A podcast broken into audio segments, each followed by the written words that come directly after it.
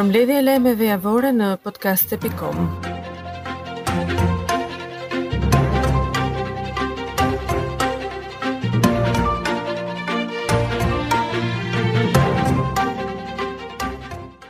Situata e krijuar nga protesta e serbëve në veri të Kosovës ka qenë një prej çështjeve kryesore të diskutuara gjatë samitit të Globsec dy mijë e njëzet e tre që u mbajt në Bratislavë të Sllovakisë. Të pranishëm në këtë samit ka qenë edhe kryeministri i Shqipërisë Edi Rama dhe Albin Kurti. Gjatë fjalës së tij Rama duke folur për situatën në Kosovë nuk la pa përmendur edhe urdhrin e Serbisë për vendosjen e trupave të ushtrisë serbe në kufi, veprim të cilin e konsideroi thjesht si një politikë të brendshme. Ai tha se politika serbe në kufi me Kosovën ka zero fuqi dhe e paralelizoi duke thënë se është njësoj sikur Meksika të çonte ushtrinë në kufi me SHBA-në, duke nënvizuar se serbët nuk kanë fuqi të bëjnë asgjë pavarësisht veprimeve të ndërmarra.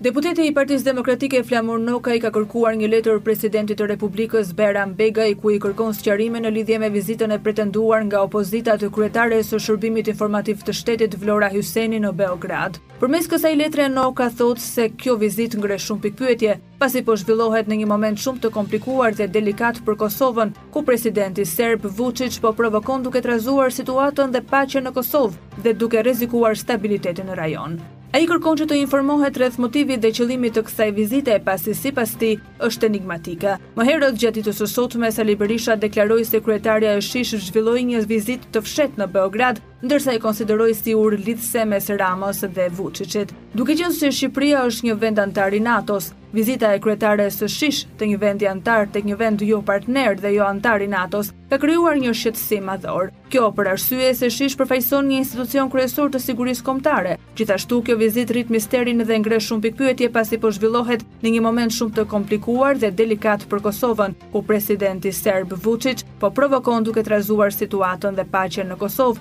dhe duke rrezikuar stabilitetin në rajon, shkruan Noka. Duke konsideruar shumë të rëndësishme ruajtjen e paqes dhe stabilitetit në rajon si anëtar i Komisionit për Sigurinë Kombëtare, kërkoj të informohem rreth motivit të kësaj vizite enigmatike, arsyet dhe qëllimi i saj. A janë informuar institucionet eprore dhe a është marrë miratimi i tyre? A është bërë një konsultim dhe a janë informuar partnerët tanë të NATO-s rreth kësaj vizite? Kërkoj që informacioni të vihet në dispozicion brenda një afati prej 5 ditësh, thuhet në kërkesën e Nokës drejtuar presidentit Begaj.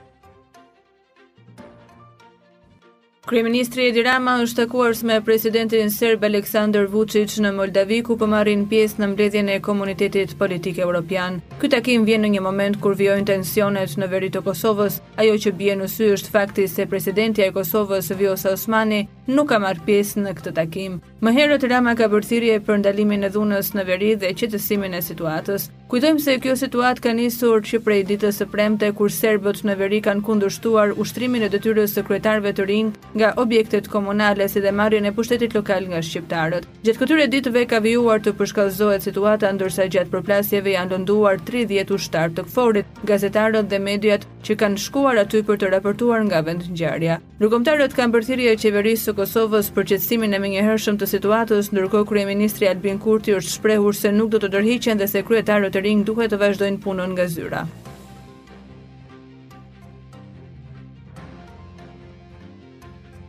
Nënkryetari i FRPD-së Arvid Bushati, i cili ishte në kërkim se shpërndau ushqime për të përfituar vota për Bardh Spahinë në zgjedhjet e katërmbëdhjetë majit është liruar nga Policia e Shkodrës pasi qëndroi për pesë orë në ambientet e komisariatit. Para mediave tha se ishte duke konsumuar kafe me demokratët dhe kryebashkiakun Bardh Spahia kur efektivët mbërritën dhe e shoqëruan. Sipas tij e gjitha është një sulm politik që kërkon të intimidojë demokratët se nuk kishte arsye për ta shoqëruar. Ai ka bërë një padi ndaj Policisë së Shkodrës për këtë që e quan shoqërim të paligjshëm në ambientet e komisariatit. Prej trembëdhjetë majit, Bushati ishte në kërkim pasi policia ndaloi një furgon pesëdhjetë pako me ushqime që po i shpërndanin në familjet shkodrane në këmbim të votës për kandidatin e koalicionit Berisha-Meta për Shkodrën, Bardh Spahia. Bushati ishte në kërkim pasi, sipas policisë, ai ishte porositësi i pakove ushqimore.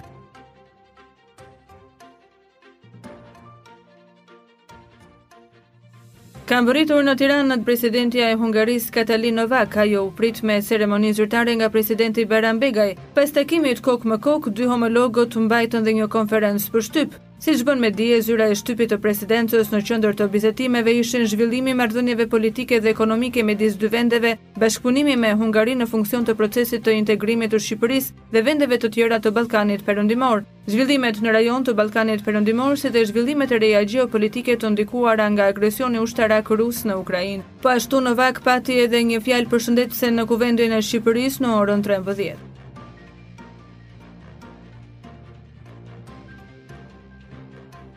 Pas një rritje të ndjeshme në 4 vitet e fundit sipërfaqja e lejeve të ndërtimit të dhëna në kryeqytet, ka shënuar rënie të ndjeshme në 3 muajt e parë të këtij viti. Sipas INSTAT në 3-mujorin e parë të vitit 2023 sipërfaqja e lejeve të dhëna në kryeqytet ishte rreth 200.000 metra katrorë, me një rënie prej 75% në krahasim me të njëjtën periudhë të një viti më parë, ku u dha një nivel rekord prej tetëqind mijë metra katrorë. Sipërfaqja e dhënë jo vetëm ka rënë ndjeshëm në krahasim me tremujorin e parë të vitit dy mijë e njëzet e dy, por është edhe niveli më i ulët në pesë vjet që nga viti dy mijë e tetëmbëdhjetë. Në linjë me ecurinë e kryeqytetit ka rënë edhe sipërfaqja e lejeve të dhëna në të gjithë vendin, Sipas Instat, në vend sipërfaqja e lejeve të ndërtimit miratuar për ndërtesa të reja në tremujorin e parë të vitit dy mijë e njëzet e tre është katërqind e pesëmbëdhjetë mijë e tetëqind e dyzet e dy metër katrorë nga një milion e tridhjetë e një mijë e tetëdhjetë e tetë metër katrorë miratuar në tremujorin e parë të vitit dy mijë e njëzet e dy, duke shënuar ulje prej pesëdhjetë e nëntë pikë shtatë për qind. Në tremujorin e parë të vitit dy mijë e njëzet e tre, vlera e përafërt e lejeve të ndërtimit miratuar për ndërtesa dhe punime inxhinierike është njëzet e një miliardë lekë, nga tridhjetë e nëntë miliardë lekë miratuar në tremujorin e parë të dy mijë e njëzet e dyshit, duke shënuar një ulje prej dyzet e gjashtë pikë tre për qind. Në Tiranë u dhanë më pak se pesëdhjetë për qind e lejeve nga tetëdhjetë e shtatë që ishte pesha në tremujorin e parë të vitit dy mijë e njëzet e dy, Durrësi dha njëzet e pesë për qind të totalit të sipërfaqeve dhe ishte i vetmi që shënoi rritje në krahasim me të njëjtën periudhë të një viti më parë. Gjatë vitit dy mijë e njëzet e dy, sipërfaqja e lejeve të ndërtimit në vend arriti në një nivel rekord e ndikuar nga kryeqyteti. Sipas statistikave të Instat, në vitin dy mijë e njëzet e dy u dhanë gjithsej nga Bashkia e Tiranës leje ndërtimi me sipërfaqe prej një pikë tetëdhjetë e një milionë metra katrorë. Në krahasim me një vit më parë, ky tregues u rrit me dhjetë për qind. ndërsa ka shënuar nivelin më të lartë historik, të paktën që nga viti dy mijë e pesë, kur Instati raporton të dhënat e detajuara sipas qarqeve.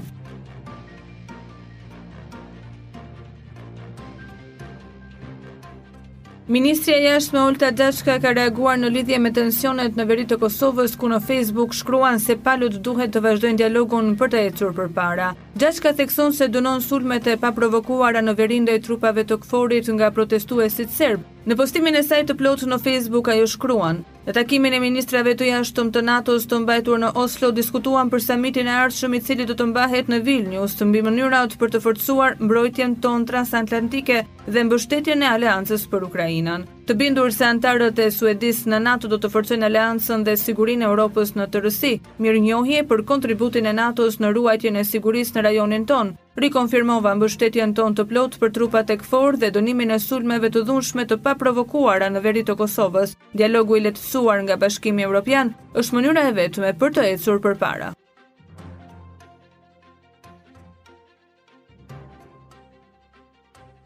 Ish-kreu i Gjykatës Kushtetuese Bashkim Dedja ka bërë mbrojtje në gjykatën e posaçme teksa deklaroi se apartamenti në Golem me hapësirë 60 metër katrorë dhe një garazh është në emër të vëllait të tij dhe duhet të përgjigjet ai.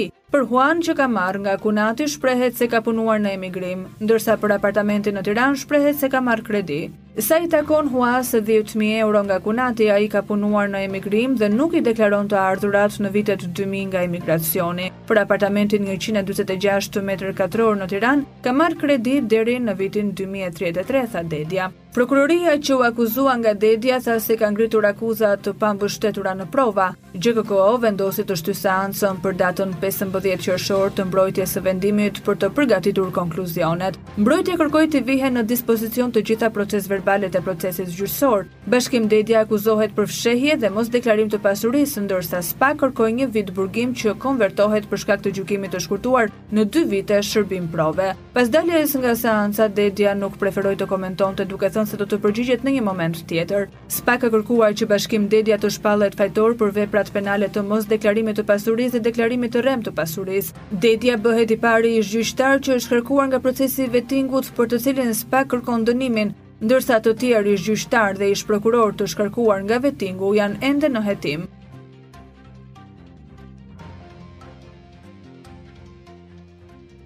Mungesa e Avokatit të Popullit të dy prej të pandehurve është bërë shkak për shtyrjen e seancës për dosjen e inceneratorit të Elbasanit. Seanca e radhës do të mbahet më datë tetë qershor në orën tetë e tridhjetë minuta të mëngjesit. Bëhet fjalë për të pandehurit Serafim Papa dhe Bardhyl Çabiri, të cilët ishin prezentë në seancë, por kërkuan që të jetë prezent edhe avokati i tyre. Nga ana tjetër, avokati i Lefter Kokës kishte disa paqartësi sa i takon konkluzioneve të SPAK të prezantuara në seancën e kaluar që kishin të bënin me përcaktimin e kohës kur ka ndodhur korrupsioni, përse është sekuestruar kantina e cila është ndërtuar shumë vite përpara inceneratorëve, si dhe pasaktësitë në disa fatura shkëmbimi mes kompanive të inceneratorëve. Të tre pretendimet u rrëzuan nga prokurori i Prokurorisë së Posaçme Klodian Braho, i cili tha se korrupsioni ka ndodhur prej vitit dy mijë e katërmbëdhjetë deri në vitin dy mijë e njëzet. Kantina është sekuestruar jo si produkt i veprës penale, por si vlerë ekuivalente me produktet e veprës penale, dhe se faturat e pretenduara të pasakta nuk janë lexuar mirë nga pala mbrojtëse. Në seancën e kaluar, SPAK lexoi pretencën për dhjetë të pandehurit duke kërkuar në total, pesëdhjetë e dy vite burg. Për ish-ministrin Lefter Koka dhe për administratorët e kompanive koncensionare, prokuroria kërkoi nga dhjetë vite burg, që për shkak të gjykimit të shkurtuar zbret në gjashtë pikë tetë vite burg. Ndërsa për ish-deputetin Alqi Bllako, SPAK kërkoi katër vite burg që zbret në dy pikë tetë vite burg. E vetmja nga dhjetë të pandehurit që nuk ka kërkuar dhe nuk ka përfituar nga gjykimi i shkurtuar është Etleva Kondi, për të cilën